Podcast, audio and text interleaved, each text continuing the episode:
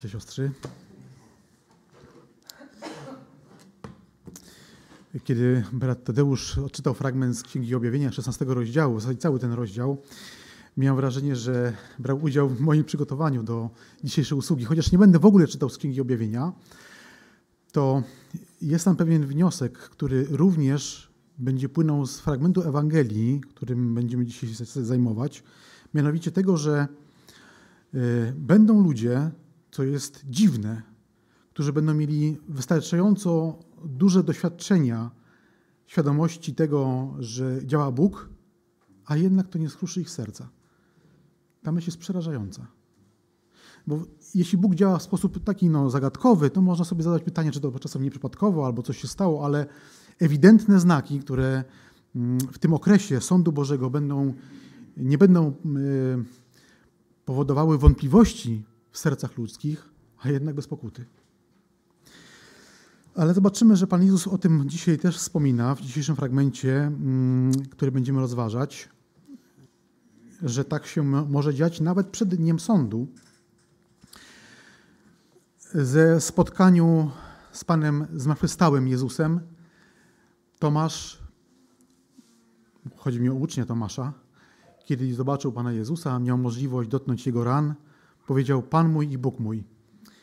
I tak naprawdę, kiedy spotykamy się z Panem Jezusem w Ewangeliach, analizując Jego wypowiedzi, zatrzymując się nad Jego czynami, y, tak naprawdę myślę, że jesteśmy niejednokrotnie zmuszeni, może nie zmuszeni, zachęceni w sercu do tego, żeby tak samo jak, jak Pan, jak, jak, jak Tomasz, Pan mój i Bóg mój.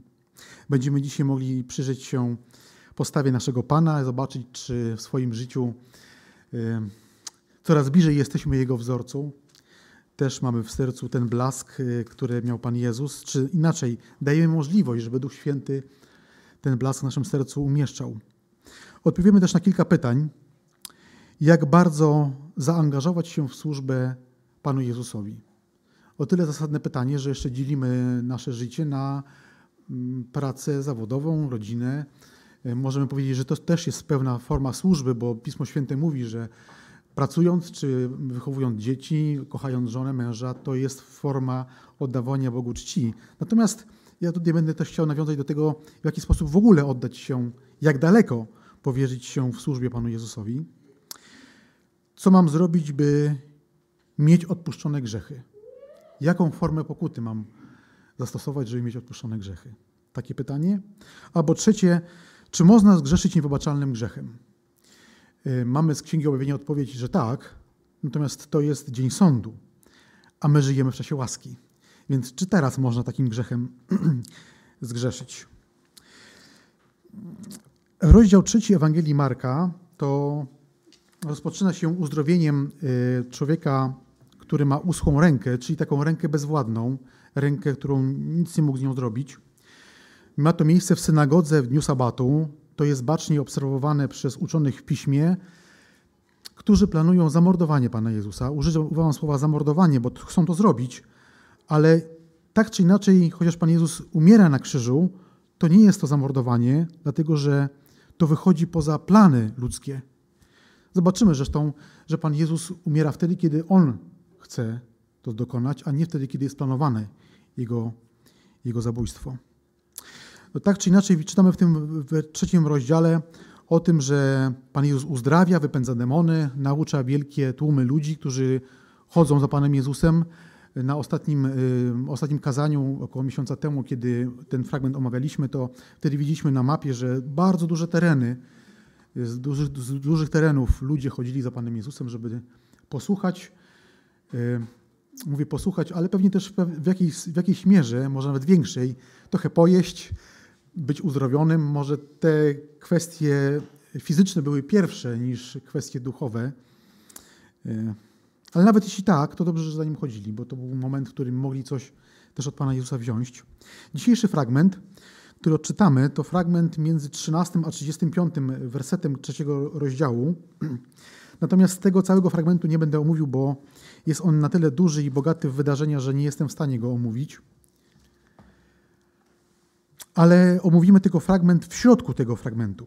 To znaczy między 20 a 30 wersetem, ale odczytamy całość, ponieważ całość jest pewną formą tła. Ewangelia Marka, trzeci rozdział od 13 wersetu. Potem wszedł na górę i wezwał do siebie tych, których sam chciał, a oni przyszli do niego i ustanowił dwunastu, aby z nim byli, aby ich wysłać na głoszenie Ewangelii i aby mieli moc uzdrawiania chorób i wypędzania demonów. Ustanowił Szymona, któremu dał imię Piotr, Jakuba, syna Zebedeusza i Jana, brata Jakuba, którym nadał przydomek Boanerges, to znaczy synowie gromu. Andrzeja, Filipa, Bartłomieja, Mateusza, Tomasza, Jakuba, syna Alfeusza, Tadeusza, Symona Kananejczyka i Judasza Iskariotę, który go wydał. Potem przyszli do domu i znowu zgromadził się tłum tak, że nie mogli nawet zjeść chleba, a gdy jego bliscy o tym usłyszeli, przyszli, aby go pochwycić i mówili, odszedł od zmysłów. Uczeni w piśmie, którzy przyszli z Jerozolimy, mówili, ma Belzebuba i władcę demonów, wypędza demony. I przywoławszy do siebie, mówił do nich w przypowieściach, jakże szatan może wypędzać szatana? Jeśli królestwo jest podzielone wewnętrznie, to takie królestwo nie może przetrwać. Jeśli dom jest podzielony wewnętrznie, to taki dom nie będzie mógł przetrwać. Jeśli więc szatan powstaje przeciwko sobie samemu i jest podzielony, nie może przetrwać, ale to jego koniec. Nikt nie może wejść do domu mocarza i zagrabić jego własności, jeśli najpierw nie zwiąże tego mocarza, wtedy ograbi jego dom. Zaprawdę powiadam wam, wszystkie grzechy i bluźnierstwa, którymi bluźnią synowie ludzcy, będą im przebaczone. Kto jednak bluźni przeciwko Duchowi Świętemu, nigdy nie dostąpi przebaczenia, ale podlega karze wiecznego potępienia. Mówili bowiem, ma ducha nieczystego. Wtedy przyszli do jego bracia i matka i stojąc przed domem, posłali po niego, wzywając go. A tłum siedział wokół niego i powiedzieli mu: Twoja matka i twoi bracia są przed domem i szukają cię. Lecz on odpowiedział: Któż jest moją matką i moimi braćmi? A spojrzawszy po tych, którzy siedzieli wokół niego, powiedział: Oto moja matka i moi bracia.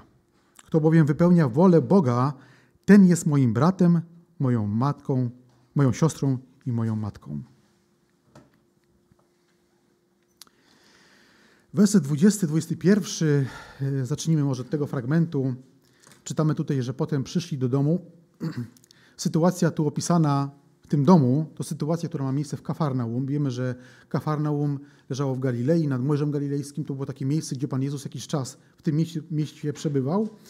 I w tym domu też przebywał jakiś czas i u, używał tego miasta i domu do y, takiego wychodzenia w różne miejsca y, Galilei i nawet dalej, jako takiego punktu wypadowego. A dom, w którym jest Pan Jezus, najprawdopodobniej jest domem Andrzeja i Piotra, rybaków. I w tym domu prawdopodobnie Pan Jezus również podnosi z ciężkiej gorączki teściową Piotra. Wszystko na to wskazuje, że tak jest, chociaż nie jest to powód, żeby tak twierdzić z całą pewnością ale warto to zauważyć, bo Pan Jezus jest w tym domu i w wersecie 20 czytamy, że przyszła jego rodzina i twierdzi, że odszedł od zmysłów. Tu trzeba zauważyć, że e, domownicy Pana Jezusa prezentują albo powszechne zdanie w niektórych kręgach o Panu Jezusie, albo sami takie zdanie mają. Jeśli chodzi o tekst grecki, nie można takiego wniosku jednoznacznie stwierdzić, że to oni tak nazwali Pana Jezusa, ale można przypuszczać, że przychylali się do tego, do tego twierdzenia z różnych powodów. Tak, tak czy inaczej krewni są zaniepokojeni tym, że publicznie niektórzy mówią o ich krewnym, że jest szalony. No byli, z nim, byli z nim spokrewnieni, więc również cień padał na nich samych. Oskarżenie ich, ich Jezusa o to także, że bluźnił Bogu, o to także, że był opętany. Co więcej, Pan Jezus nie był zdaniem uczonych w piśmie tylko opętany. Mówię tylko, chociaż to strasznie brzmi. On był w zmowie z księciem demonów. Bo opętany człowiek może być opętany no, bez własnej jakiejś woli. Robiąc coś przeciwko Bogu, może swoje serce poddawać pod władzę demonów, ale może tego nie chcieć de facto.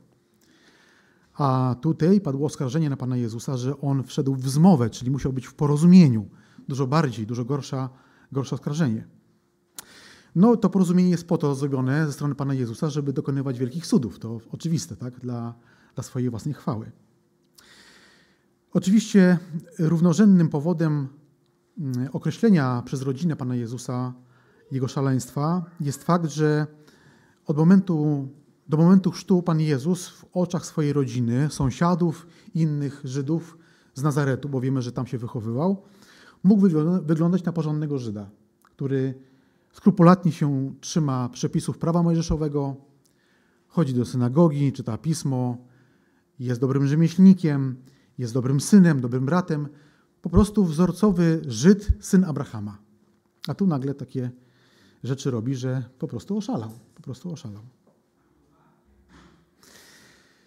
Też trzeba wspomnieć o tym, że tutaj w tym fragmencie i w podobnych fragmentach Ewangelii nie czytamy już o Józefie, ojczymie Pana Jezusa. Prawdopodobnie można wyciągnąć wniosek, że już nie żyje, dlatego o nim nie czytamy. Też nie jest to powód, żeby się przy tym upierać, ale jeśli jest to prawdopodobny wniosek, że Józef już nie żyje, to można wyciągnąć inny wniosek, że jakiś czas Pan Jezus utrzymuje z własnej pracy, czy z pracy również z braćmi, całą rodzinę, więc ten wniosek o tym, że jest to przykładny syn, brat i, i Żyd jest jak najbardziej uzasadniony. No a tutaj znowu takie mówi rzeczy, że, że nic innego się na jego temat nie ciśnie, jak tylko i wyłącznie to, że oszalał. Ale jakkolwiek nie było, posiadanie krewnego, który przez przywódców jest określany jako szaleniec czy opętany, nawet będącego w zmowie z Belzebubem, czyli szatanem, to bardzo poważne oskarżenie, bo to stawia Pana Jezusa w szeregu czarnoksiężników, tak? kogoś, kto z, zbratał się z siłami ciemności do jakichś czynów.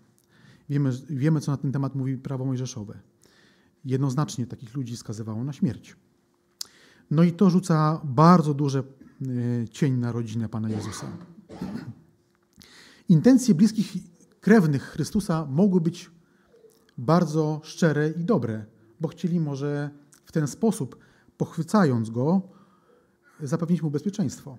No, odciąć go od społeczeństwa i tym samym spowodować, że już nikt nie będzie o nim mówił, że jest szalony albo opętany. Przyszli go pochwycić, czytamy. Dzieło pełnienia woli Boga, dzieło pełnienia woli Ojca przez Pana Jezusa mogło być i było odbierane jako szaleństwo.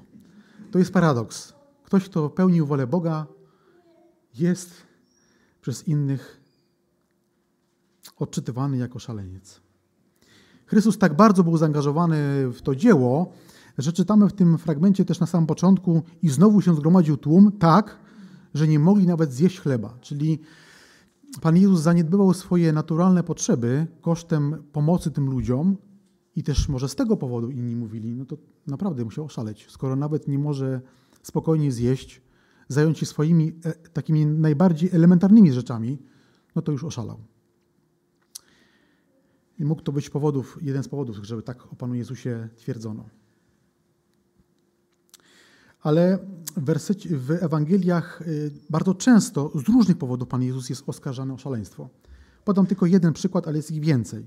Z Ewangelii Jana 10 rozdziału, wersy 17 i 20. Y, ten, w tym 10 rozdziale Pan Jezus pokazuje że On jest Bogiem Jahwe, o którym pisze Stary Testament. Zresztą nie tylko w tym rozdziale. Jan wiele rozdziałów takich poświęca właśnie temu, a Pan Jezus pokazuje swoją boskość, ale tu w tym fragmencie, dziesiąty y, rozdział Ewangelii Jana od 17 wersetu, trochę wcześniej Pan Jezus mówi o tym, że jest dobrym pasterzem, a to miano dobrego pasterza również w Starym Testamencie ma Bóg Ojciec, czy w ogóle Bóg Jahwe w kontekście Ojca, Syna i Ducha Świętego. I czytamy tutaj wypowiedź Pana Jezusa. Dlatego Ojciec mnie miłuje, bo ja daję moje życie, aby je znowu wziąć. Nikt mi go nie zabiera, ale ja daję je sam z siebie, mam moc je oddać i mam moc je znowu wziąć. Ten rozkaz otrzymałem od mego Ojca.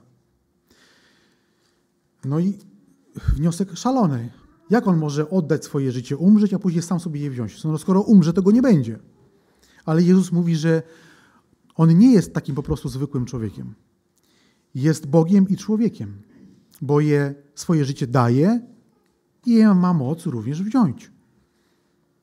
Jaka, jaka jest reakcja? No reakcja jest taka, jaka mamy dalej w wersecie 19-20. I znowu nastąpił rozłam wśród Żydów z powodu tych słów. Wielu z nich mówiło, ma demona i szaleje. Czemu go słuchacie? deprecjonowanie. Deprecjonowanie to y, obniżenie wartości. To takie rzucenie obelgi na kogoś, żeby to, co robi i mówi, nie miało znaczenia dla ludzi, którzy to obserwują i słuchają. Bardzo dzisiaj często y, w mediach ktoś na kogoś takie oszczerstwo rzuca po to, żeby obniżyć wartość tego, co sobą reprezentuje. Podobnie było z Panem Jezusem. Bardzo często takie deprecjonowanie widzimy, jeśli chodzi o Jego postawę i służbę, żeby ludzie Go nie słuchali. Podam kilka przykładów. To są tylko takie krótkie cytaty. 40 lat jeszcze nie masz. Abrahama widziałeś? Skoro jesteś taki młody, to nie mogłeś widzieć Abrahama. Więc po tej wypowiedzi cokolwiek nie powie Pan Jezus, to i tak nie ma to znaczenia, bo, bo nie ma jeszcze 40 lat. Inne, no ma demona, to już mamy z, tej, z tego fragmentu. Czy Chrystus może przyjść z Galilei? Galilea? Czy to jest dziura, gdzie tam tylko i wyłącznie grzesznicy mieszkają? A on jest, mówi, że jest Chrystusem. Albo inne. Skąd ta jego uczoność, skoro nic się nie uczył? Dłubie w drewnie, a nam będzie wykładał pismo. No takie wnioski się cisną po takim, po takim czymś i wszystko, co powie ten oskarżony, rzucony taką obelgą, tak naprawdę nie ma większego znaczenia, bo, no bo nie ma to, nie ma, nie ma w sobie autorytetu. Kiedy uczeń Pana Jezusa z wiarą podąża za Panem, może być pewien, że wcześniej czy później będzie jakimś epitetem oznakowany. A to szalony, e, wariat. Paweł przed, przed Festusem, e, tylko zacytuję ten fragment, mówi o tym Dzieje Apostolskie, 26 rozdział. Tak się broni przed Festusem. Głosiłem w Jerozolimie i poganom, żeby pokutowali i nawrócili się do Boga i pełnili uczynki godne pokuty. Z tego powodu Żydzi schwytali mnie w świątyni i chcieli zabić. Ale dzięki mocy Boga żyję do dzisiaj, dając świadectwo małym i wielkim, że nic nie, mówią, nic nie mówiąc oprócz tego, co powiedzieli prorocy i Mojżesz, że musi nastąpić, że Chrystus ma cierpieć, jako pierwszy zmartwychwstać i zwiastować światłość temu ludowi i poganom. Gdy on to powiedział w swojej obronie, Festus odezwał się doraźnym głosem: Jesteś szalony, Pawle. Twoja uczoność doprowadza cię do szaleństwa. Głosi Ewangelię i jest szalony. Paweł mówi: Nie jestem szalony, dostojny Festusie, ale głoszę słowa prawdy i rozsądku. W oczach ludzi, którzy są pogrążeni w grzechu, słowa Ewangelii to szaleństwo. Istotnie tak jest.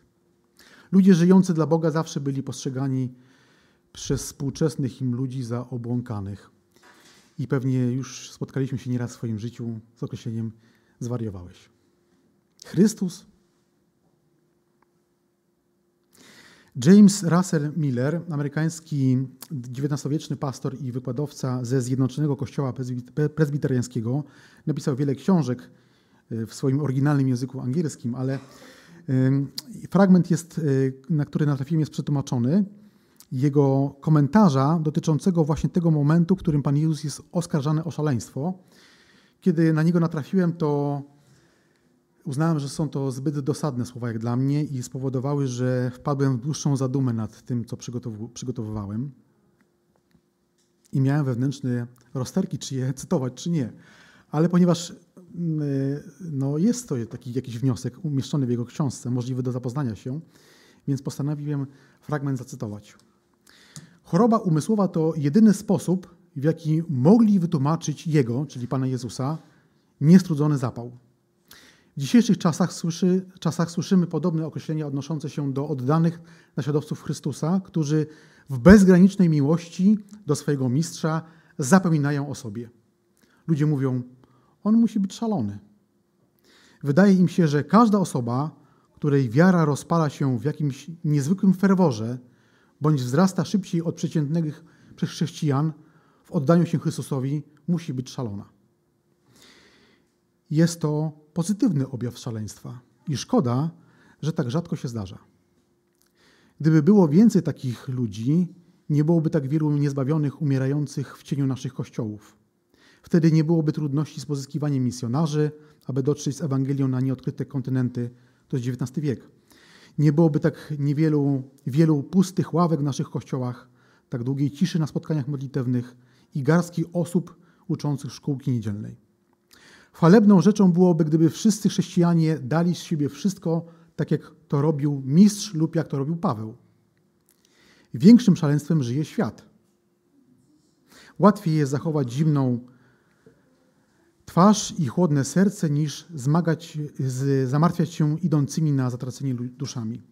Jesteśmy jednak stróżami naszych braci i nie ma gorszego zaniedbania, jak zaniedbanie obowiązku o troskę wiecznego zbawienia. I czytając te słowa, yy, postawiły mi one na baczność. Ileż można jeszcze uczynić dla Pana Jezusa, żeby być jeszcze bardziej dla Niego szalonym jeszcze bardziej dla Niego szalonym.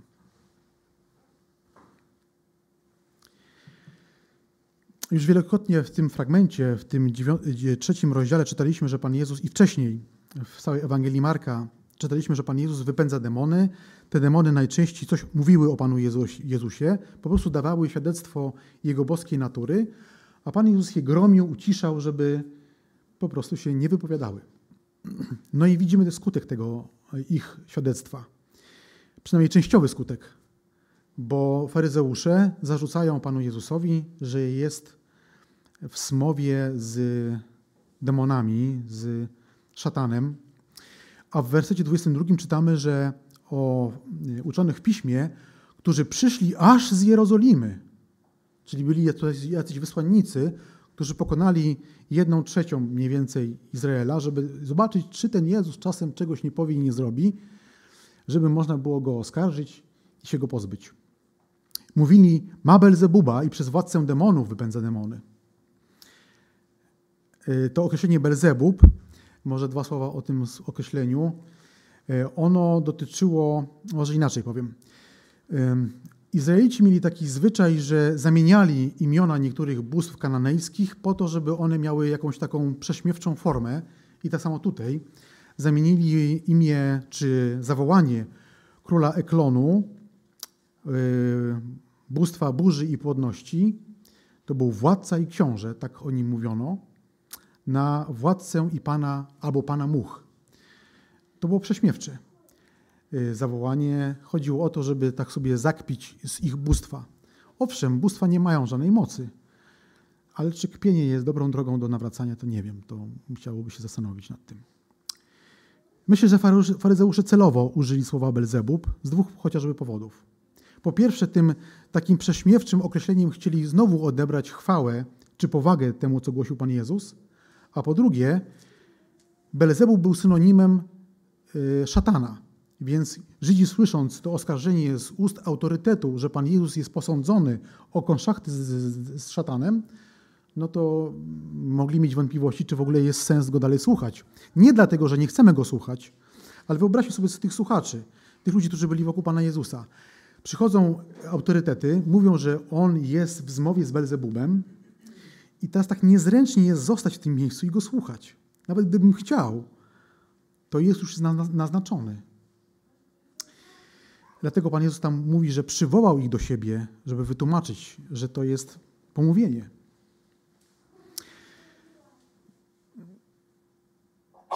ale nawet to oskarżenie ze ust uczonych w piśmie pokazuje, że grzeszna natura człowieka przysłania, przysłania jasność myśli tych ludzi. I Pan Jezus wy, wy, pokazuje to w swojej argumentacji.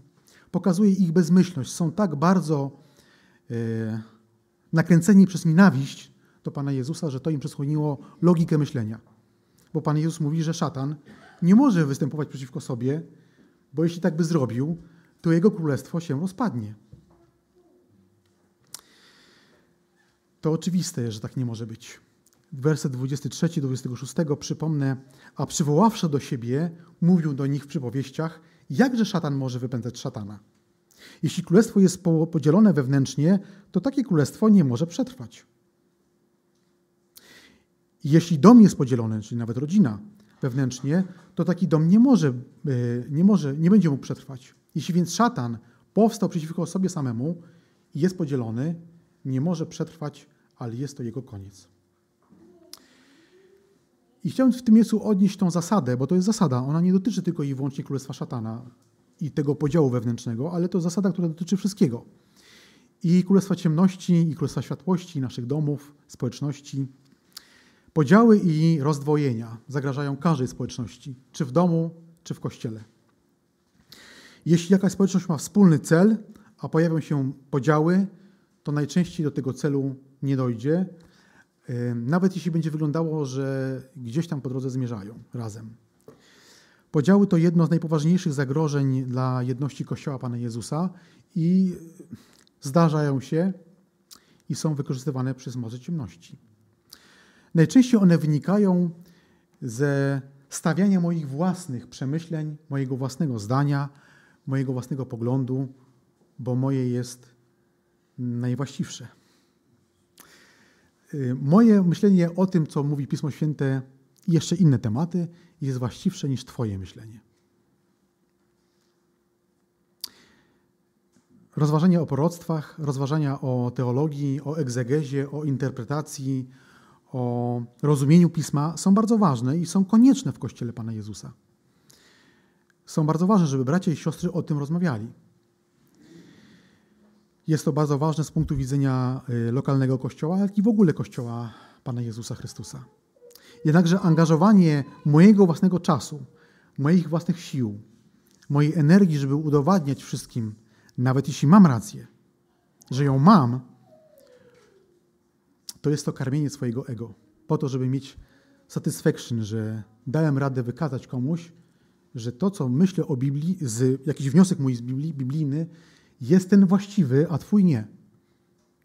Ale jest to powodowanie rozdziału, rozdziału, rozłamu, gdybym tak postępował. Szatan, moja grzeszna natura, będzie chciała wykorzystać moją pychę do tego, żeby się tym nakarmić. Nawet jeśli rzeczywiście to, co mówię, to, co twierdzę, jest słuszne, to mam z tego tylko i wyłącznie tyle, że dobrze się czuję. Ale jak się czuje mój rozmówca? Czy jest zbudowany? Czy przyczyniłem się do zachowania jego wiary, do zaufania, do współpracy? I chcę też podkreślić z taką powagą, że musimy obstawać przy wszystkich niezbędnych prawdach Ewangelii. Podam taki przykład takiego obstawania. Y, apostoł Paweł, list do, list do Galacjan, drugi rozdział, trzeci, czwarty werset. Apostoł Paweł po raz kolejny podróżuje, czy inaczej przyjeżdża do Jerozolimy. Wiemy, że w Jerozolimie są apostołowie, przynajmniej część apostołów i starszych. I czytamy, lecz nawet Tytusa, który był ze mną, nie zmuszono do obrzezania, mimo że był Grekiem, a to z powodu wprowadzonych fałszywych braci, którzy się wkradli, aby wyszpiegować naszą wolność, jaką mamy w Chrystusie Jezusie, aby nas zniewolić. I piąty jest kluczowym wersetem.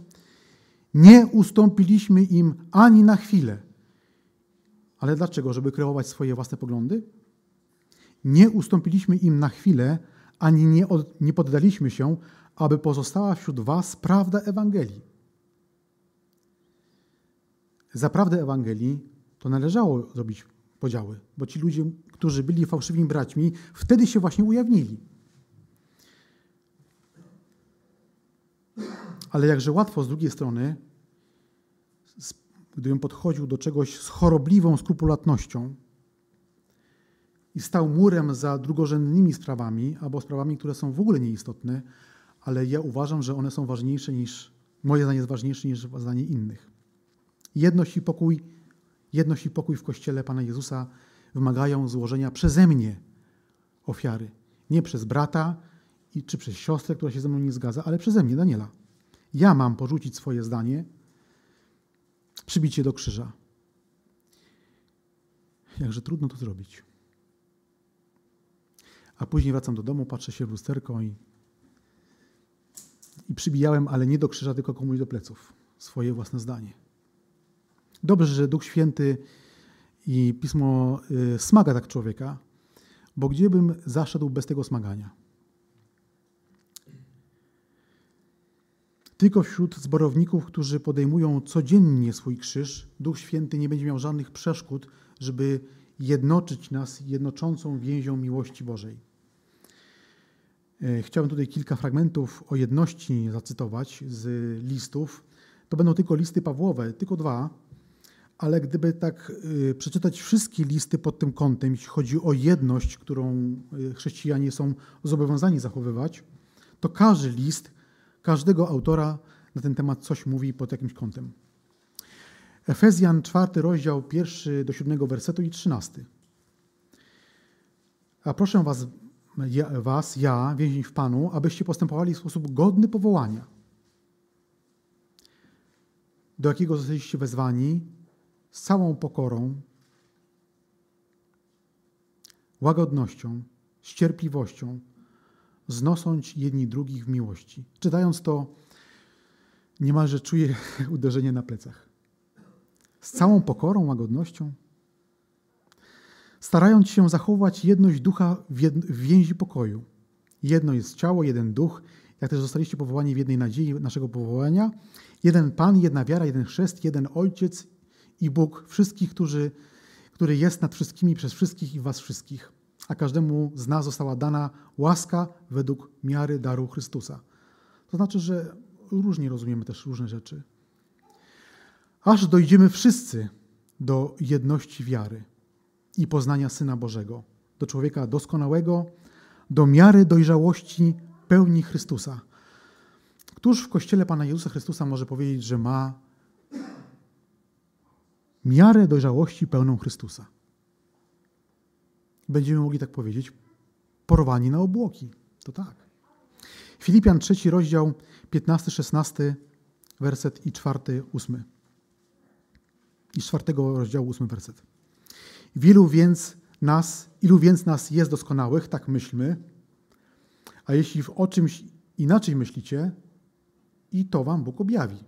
I to rozwiązuje y, jakąś kwestię. Jeśli ktoś myśli inaczej, no to niech sobie myśli, bo Bóg mu to objawi. Jednak w tym, do czego doszliśmy, postępujmy według jednej miary i to samo myślmy. I z czwartego rozdziału ósmy werset. W końcu, bracia, co prawdziwe, co uczciwe, co sprawiedliwe, co czyste, co miłe, co chwalebne, jaka jest cnota, jakaś chwała, o tym myślcie. A nie o tym, żeby udowodnić komuś, że mam rację. Jeszcze jeden cytat z Pisma Świętego z listów Pawła, Filipian, drugi rozdział od pierwszego wersetu.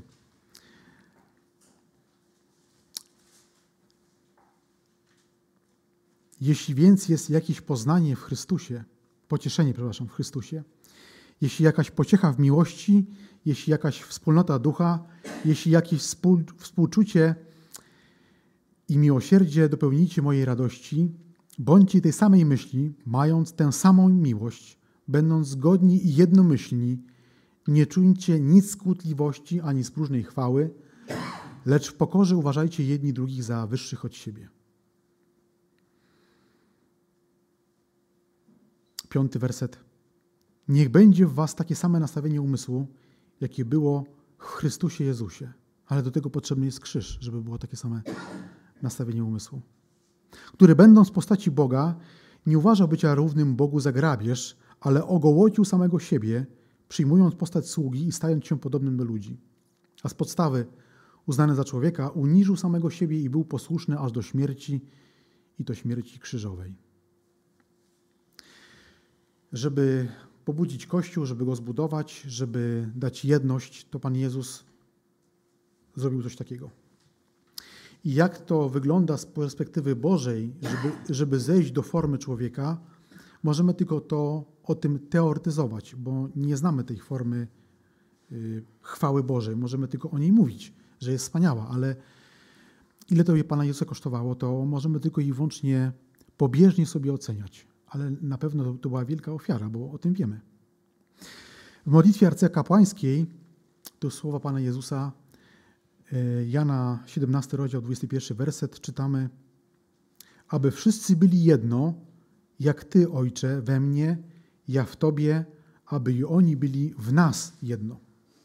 I ten temat jedności bardzo często jest poruszany, a jak patrzymy na historię Kościoła, to są jednostki, które oczywiście bardzo dużo wnoszą do Kościoła, ale z drugiej strony, będąc mm, autorytatywną jednostką, też trochę, trochę wchodzą, wnoszą grzechu. Oczywiście z jednej strony trudno mieć do nich pretensje, no bo są grzeszni, tak? My wszyscy jesteśmy grzeszni, ale z drugiej strony, jeśli dbamy o swoje, o siebie nawzajem, a mam na myśli mówiąc dbamy również to, kiedy po prostu zwracamy sobie uwagę, no to, to tylko dziękować Bogu, że tak jest, że mamy taką wspólnotę ducha. Werset 27 do 30, teraz ten ostatni fragment omówmy pokrótce. Nikt nie może wejść do domu mocarza i zagrabić jego własności, jeśli najpierw nie zwiąże tego mocarza, wtedy ograbi jego dom. Zaprawdę powiadam wam, wszystkie grzechy i bluźnierstwa, którymi bluźnią ludzie, synowie ludzcy, będą im przebaczone. Kto jednak bluźni przeciwko Duchowi Świętemu, nigdy nie dostąpi przebaczenia, ale podlega karze wiecznego potępienia. Bo mówili, tu chodzi o faryzeuszy, ma ducha nieczystego. To jest 28 y, werset, jest, jest tematem dzisiejszego kazania. W tym temacie jest zacytowany nie z UBG, tylko nie z przykładu UBG, tylko z przykładu no, słowo życia. Oświadczam, każdy grzech może zostać, może zostać odpuszczony. Tam jest bardziej literacka forma językowa użyta.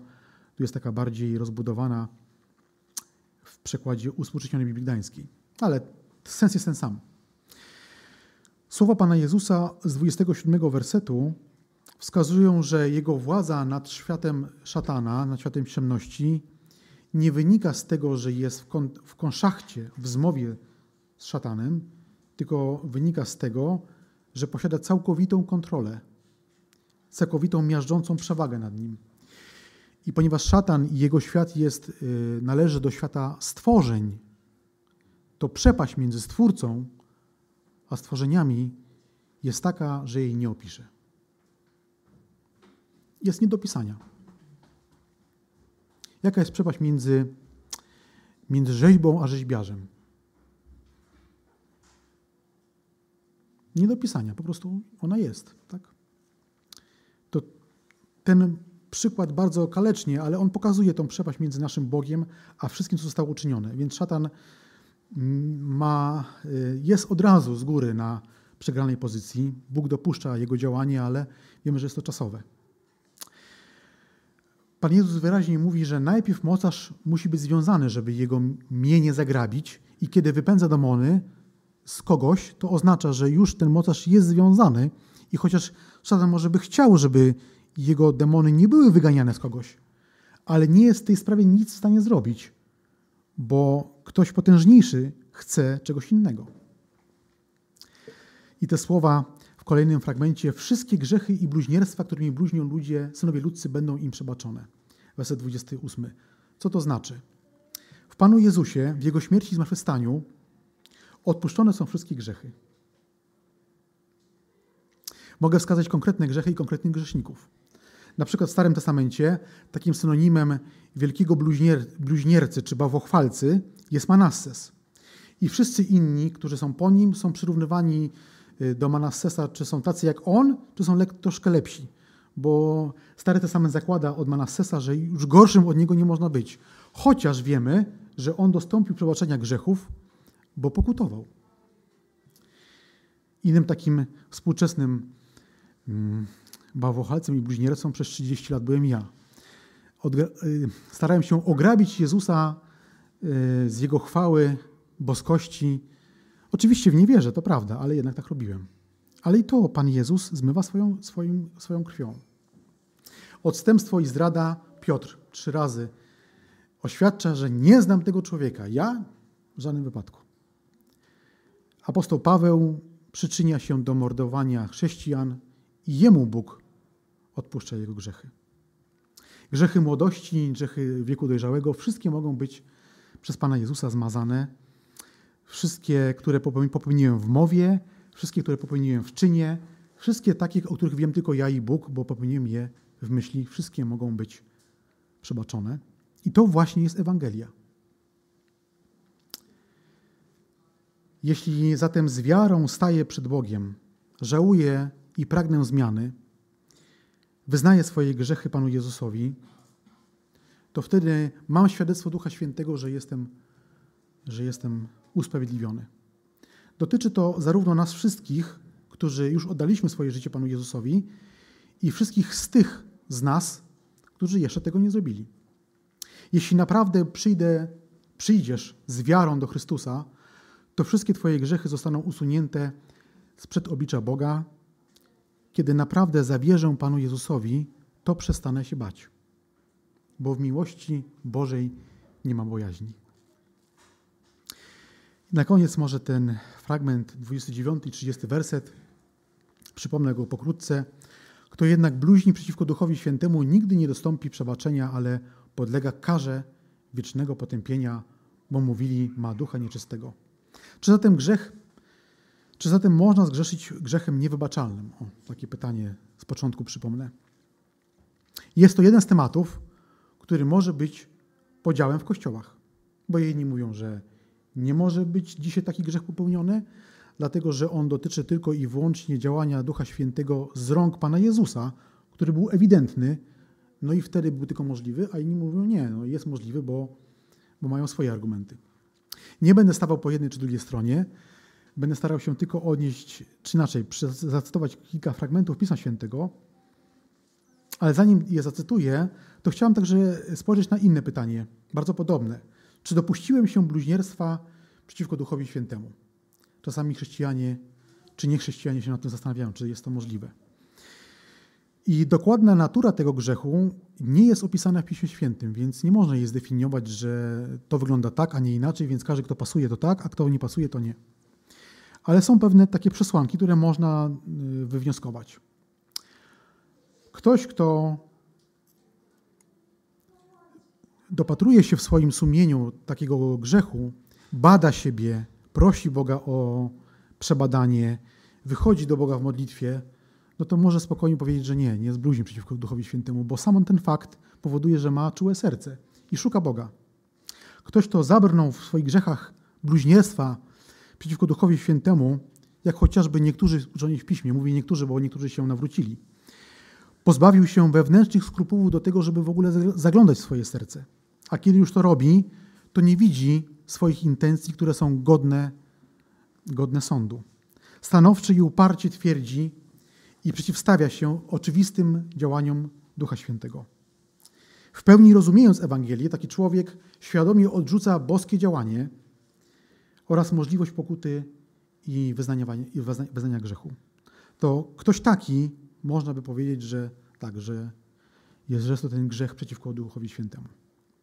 Przykładem takiego grzesznika jest Judasz Iskariota. I tego tematu nie będę więcej rozwijał, bo boję się, że wejdę na tereny y, owiane mgłą niepoznania i będę świadczył swoje własne zdanie.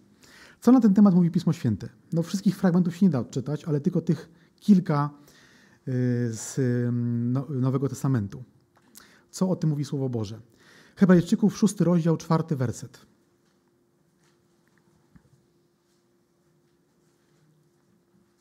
Niemożliwe jest bowiem, żeby tych, którzy raz zostali oświeceni i zakosztowali daru niebiańskiego i stali się uczestnikami Ducha Świętego, zakosztowali też dobrego Słowa Bożego i mocy przyszłego wieku, a odpadli, ponownie odnowić w pokucie, gdy sami sobie znowu krzyżują Syna Bożego i wystawiają Go na próbę.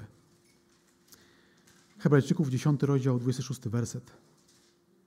A jeśli bowiem dobrowolnie grzeszymy, czy tam trwamy w grzechu, po otrzymaniu poznania, poznania prawdy, to nie pozostaje już ofiara za grzechy. Albo Jana, pierwszy, pierwszy Jana, piąty rozdział, 16-17 werset. Jeśli ktoś widzi swego brata, który popełnia grzech, nie na śmierć, niech się za niego modli, a Bóg mu da życie, to jest tym, którzy popełniają grzech, nie na śmierć. Jest grzech na śmierć. Nie mówią, aby ktoś się modlił za to. Wszelka nieprawość jest grzechem. Jest jednak grzech nie na śmierć. Jak to zbadać, jaki jest grzech na śmierć i gdzie szukać odpowiedzi? Myślę, że odpowiedzi można szukać też w tym, co mówi Jan trochę dalej, piąty rozdział cały czas, dwudziesty werset. Tutaj czytamy: A wiemy, że Syn Boży przyszedł i dał nam rozum, abyśmy poznali prawdziwego Boga i jesteśmy w tym prawdziwym, to jest w Jego Synu, Jezusie Chrystusie. On jest prawdziwym Bogiem i życiem wiecznym. Amen.